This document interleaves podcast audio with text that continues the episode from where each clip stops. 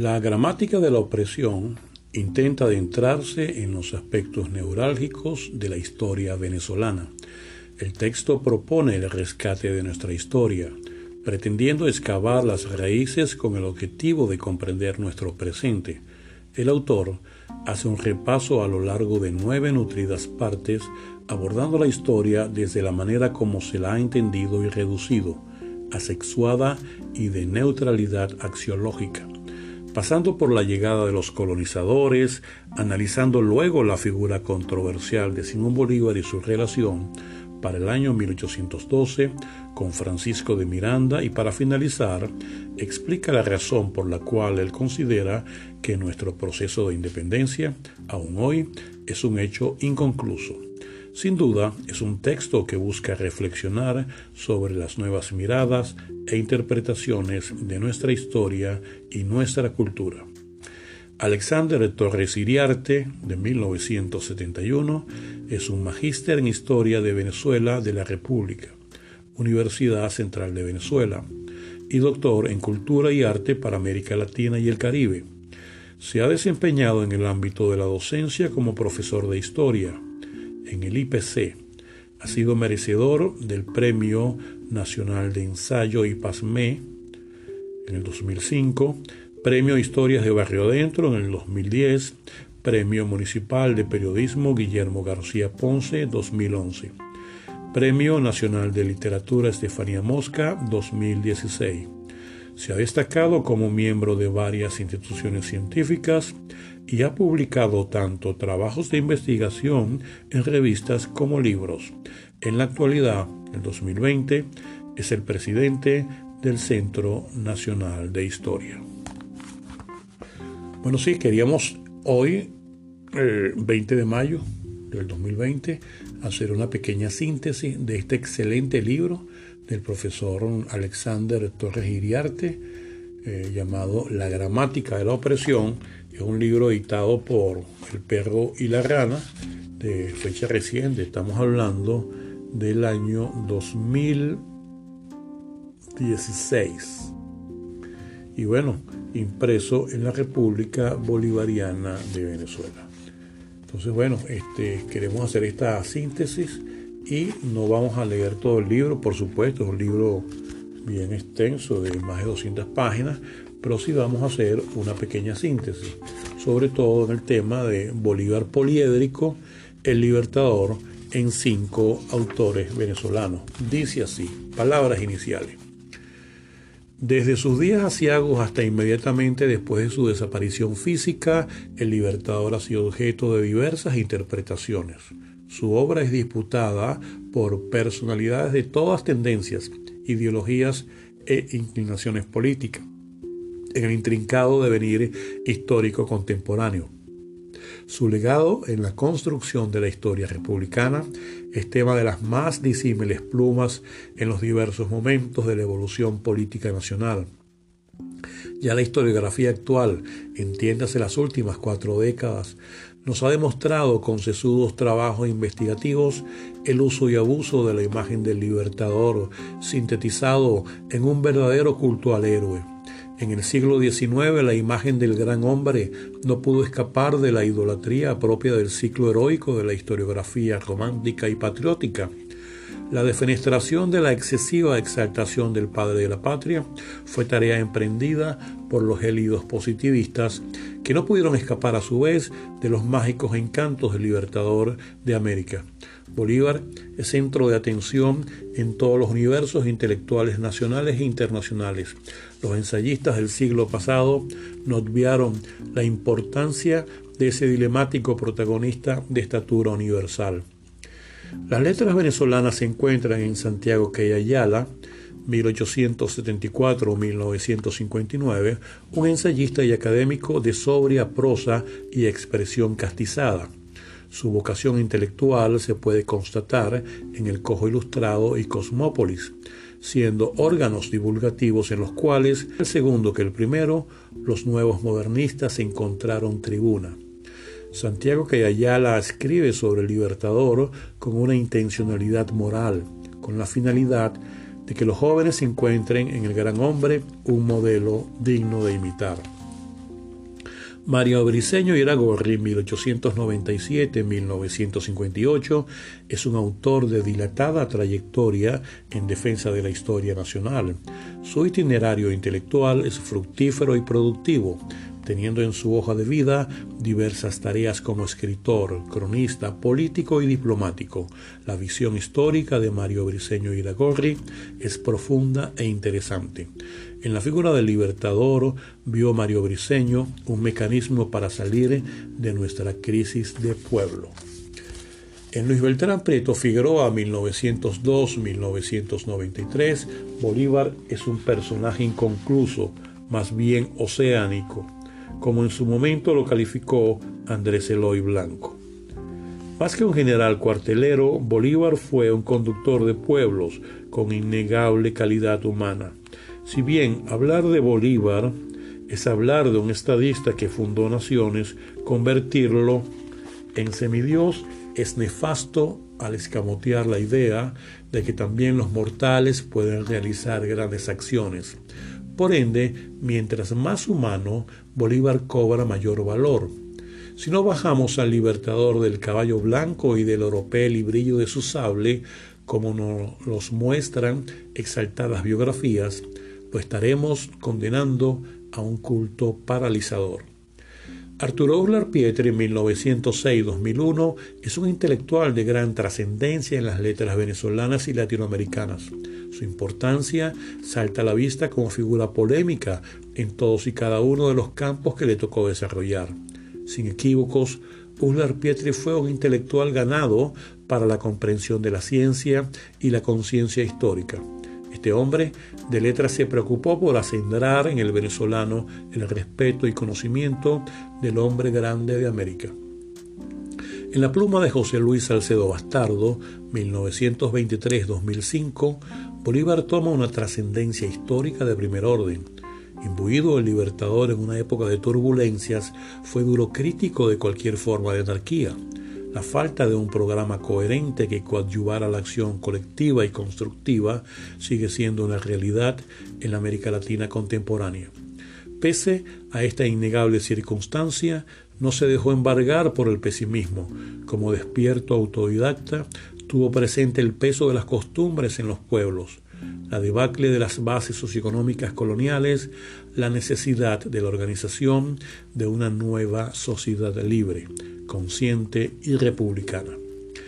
Caracterizar brevemente a Bolívar en cinco de los más importantes intelectuales venezolanos del siglo XX, respetando los diferentes estilos, corrientes literarias o historiográficas a que puedan estar inscritos, es la intención de este trabajo. Lo fundamental, en todo caso, es calibrar el significado de Bolívar visto por la mirada de cinco escritores que han atravesado el siglo XX y han dejado cada uno en su justa proporción una huella en el significado de la historia y la evolución de nuestra sociedad, en el imaginario del venezolano promedio. En este sentido, son un emplazamiento para releer en algunas voces calificadas sobre la vida y obra del libertador de América.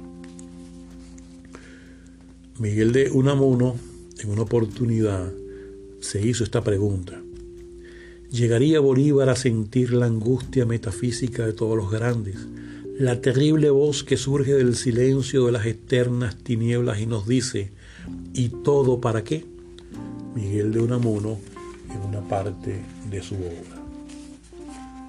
Terminamos entonces con este balance que hace el autor, profesor Alexander Torres Iriarte, en la gramática de la opresión sobre este capítulo. Que Ayala, 1874-1959, emplaza a los más jóvenes a hacer su propia lectura del Libertador como venezolanos invitados a vivir, deben descubrir la verdad. Los hombres grandes también tienen pequeñeces. Aconseja el escritor venezolano no dejarse engañar con una deificación perniciosa que nos aleja de su vida ejemplar. Bolívar es un espíritu altruista y forjador de la moral colectiva, un hombre de pensamiento y acción que encontró como única opción la educación integral y la instrucción general para que los pueblos americanos salieran del atraso. Educar hombres y pueblos como instrumento de emancipación del espíritu americano. Sería un desacierto creer que por ser un hombre cuya obra está comprendida en los siglos XVIII y XIX, su voz no nos convoca a grandes decisiones. Liberar al libertador de las y los oportunismos de otros parece un imperativo de todos los venezolanos. Estudiar su vida es un buen estímulo para un porvenir más provechoso. Para Mario Briceño Iragorri, 1897-1958, Bolívar es la encarnación del espíritu nacionalista que siempre debe animarnos. El libertador es el digno representante de una parte de nuestra historia a la que no debemos renunciar, el sendero de la grandeza nacional. La semblanza del libertador es sinónimo de unión, libertad y justicia, valores imperecederos para la impostergable reconstrucción de la patria. Mario Briceño nos presenta a Bolívar como un civilista, partidario de los derechos humanos y la paz social, siempre alejado de la obcecada idea de la dictadura y del duro martillo de la violencia, problema siempre recurrente en nuestra historia contemporánea. Las consideraciones de Luis Beltrán Preto Figueroa de 1902 a 1993 sobre Bolívar nos dan pistas para la comprensión de una Venezuela de cambio, en la cual la educación como proyecto liberador tiene un papel impostergable. Para Prieto Figueroa, en pocas palabras, Bolívar fue un conductor de pueblos, hombre con altibajos que aportó en su vida y obra por la liberación nacional y latinoamericana. Como enemigo jurado de toda opresión e ignorancia, su afán revolucionario se fundamentó en la justicia y la confianza en el porvenir. Una gran moraleja nos deja el Bolívar de Prieto Figueroa. No habrá cambio social hacia un ciudadano republicano respetuoso de la ley si el Estado no instrumenta una sistemática teoría pedagógica y que esta última sea el reflejo de la sociedad que queremos construir. Como se puede deducir en las disertaciones de este maestro educador, se percata en todo momento un magisterio permanente, el de un soñador de una América unida, el de un luchador contra los explotadores, el de un cultivador de la paz del mundo. El Libertador, en las ponderaciones de Arturo Uslar Pietri, 1906-2001, es bastante similar a las anteriores. Uslar Pietri nos dibuja un Bolívar preclaro, que siempre fue más allá de sus contemporáneos, un luchador a favor de la libertad y la unidad para desarrollar armónicamente nuestras potencialidades como género humano y así alcanzar el primer orden en la escena internacional. Bolívar fue un incomprendido que traspasó su eje espacio-temporal con una inimitable voluntad de libertad, en un orden político de franca justicia y reinantes derechos humanos. En Bolívar se combina un hombre de acción y pensamiento, conductor de gentes anhelantes de la libertad y visionario de futuro. Por su parte, José Luis Salcedo Bastardo, 1923-2005, calibra a Bolívar como un revolucionario integral. No hay en su entender un aspecto de la vida nacional que su pensamiento y acción haya descuidado, con una visión que rompe con todas las expectativas de su obra. Bolívar observó, y hacia allí fue su actividad creadora, la patria como todo el continente americano, echando por tierra cualquier artificio separatista interesado. Como político, Bolívar estuvo a favor de los gobiernos progresistas profundamente hermanados con sus pueblos. Si bien el libertador luchó por la democracia, estuvo consciente de que soltar todas las amarras a un pueblo sin formación cívica era un hecho contraproducente. Por ello, fue reacio a la idea de la libertad ilimitada, lo que no quiere decir que fuese ganado para la dictadura o monarquía, como cierta historiografía bolivariana nos ha querido hacer ver. Simón Bolívar en estas cinco rápidas referencias, pese a la evidente carga de romanticismo histórico-social decimonónico de alguno de ellos, nos deja tres moralejas de insoslayable importancia para nuestros días. En primera instancia, Bolívar no es un perro muerto que debe estar durmiendo el sueño de los justos. Mucho tiene que decirnos hoy sobre nuestros más altos fines y la necesidad de resolver nuestros más urgentes problemas, alcanzando las virtudes republicanas que tanto nos exhortó. En segunda instancia, no es un semidios, es decir, un ser etéreo, inalcanzable, al cual solamente podemos rendirle perpetua adoración, siendo esta la lectura más dominante, quedando los intelectuales evaluados parcialmente librados sobre el libertador y su obra. Bolívar es un mortal con su carga de virtudes y errores como todo ser perecedero e imperfecto. Así debe ser estudiado en el contexto histórico, sociopolítico y personal que le tocó vivir. Y por último, la presencia del libertador en la historia nacional es consona con el ideal democrático y apegada a una verdadera cátedra de civismo alejada de cualquier tendencia tiránica. Esas son tres ideas que nos sugieren cinco ensayistas venezolanos cuando se aproximan a la trascendencia histórica del hombre de las dificultades. Para finalizar, no tenemos ninguna duda de que a mediados del siglo XX venezolano, certificamos la existencia de una multivenezuela, es decir, la presencia de un conjunto nacional cuyo dinamismo y complejidad no se puede explicar sin un acercamiento crítico, con el cual el pensamiento holístico nos da el principio orientador. Así como la totalidad es más que la suma de las partes, del mismo modo en Venezuela se es mucho más que el agregado de sus zonas y lugares. Lo dicho hasta ahora nos autoriza a corroborar la existencia de un pensamiento nacional de la historia que una vez contextualizado en autores y corrientes universales nos convida a urdir miradas innovadoras, a implementar ópticas emergentes sin prejuicios en las que los connacionales sean tenidos más como creadores y recreadores de tendencias interesantes que meros receptáculos de doctrina foránea. Bueno, hasta aquí queríamos hacer esta presentación de un libro que nos parece eh, muy importante en cuanto a estos aportes que ha hecho al estudio de la figura del libertador. Ese mismo libertador que a veces uno caminando la Plaza Bolívar de Caracas lo observa de manera petrificada, allí eh, blandiendo la espada hacia el pasado o hacia el presente o hacia el futuro. A veces no lo sabemos. Y bueno, ese era el, aporte que queríamos hacer hoy, 20 de mayo del 2020, en una época asignada por mucha violencia, por un gran desconcierto y por un problema pandémico mundial que azota no solamente a la Venezuela de Latinoamérica, sino al planeta entero.